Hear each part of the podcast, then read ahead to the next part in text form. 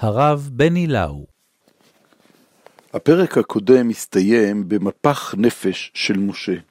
הוא נכנס לפרעה עם השליחות של שלח את עמי, התביעה שעם ישראל צריך להיות קשור לאלוהיו במדבר, ופרעה מתנער מהמטרד הזה שנקרא משה.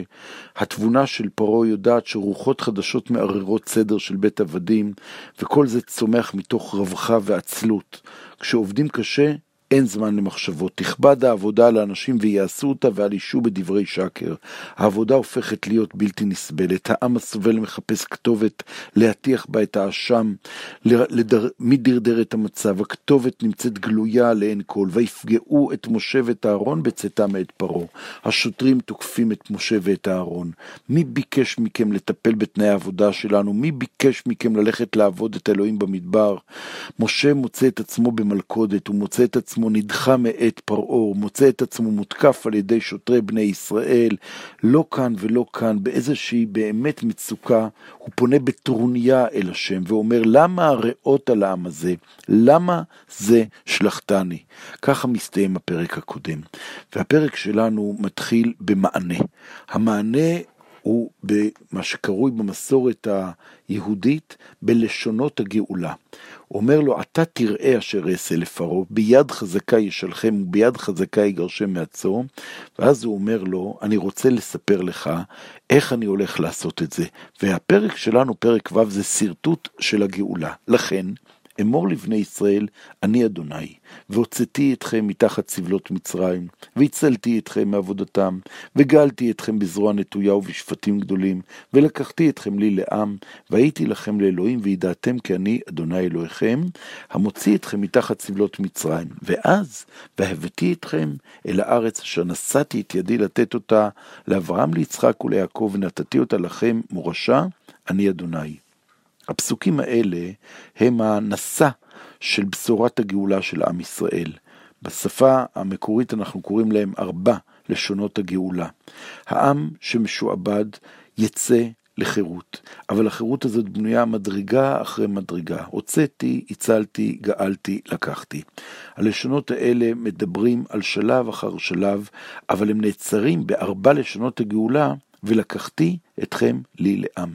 הוצאתי מסבלות מצרים, הצלתי מעבודה, גאלתי אתכם בזרוע נטויה ולקחתי אתכם לי לעם. ארבע לשונות גאולה. אין מקום לייאוש כלל.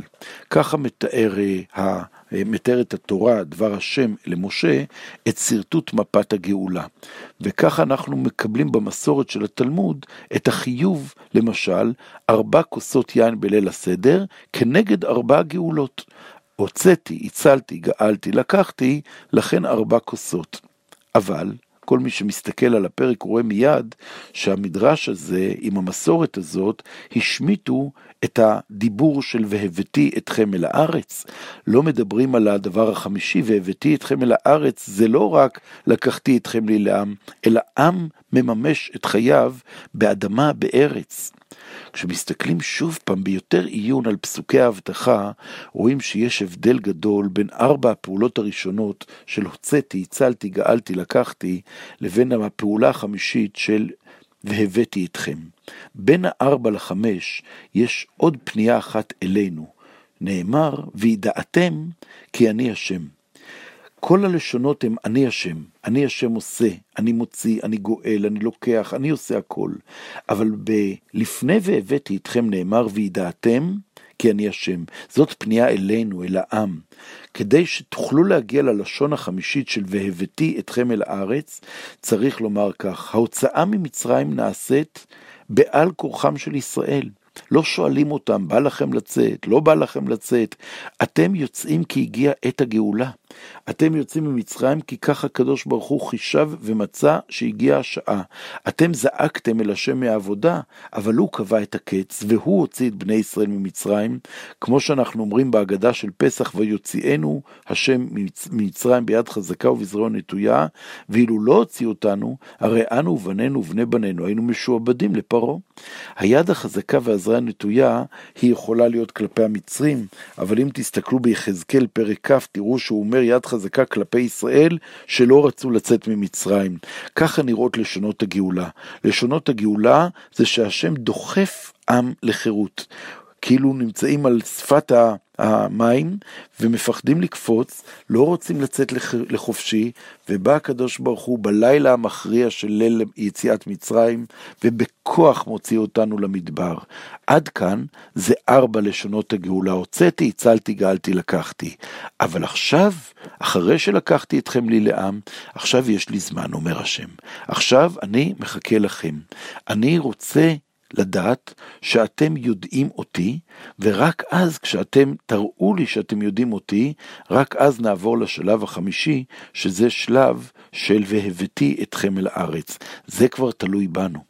הידיעה הפנימית שאנחנו שייכים אליך ושייכים לארץ, זה לא דבר שנעשה בכוח, לא בעל כורחו של עם הוא, הוא נגאל.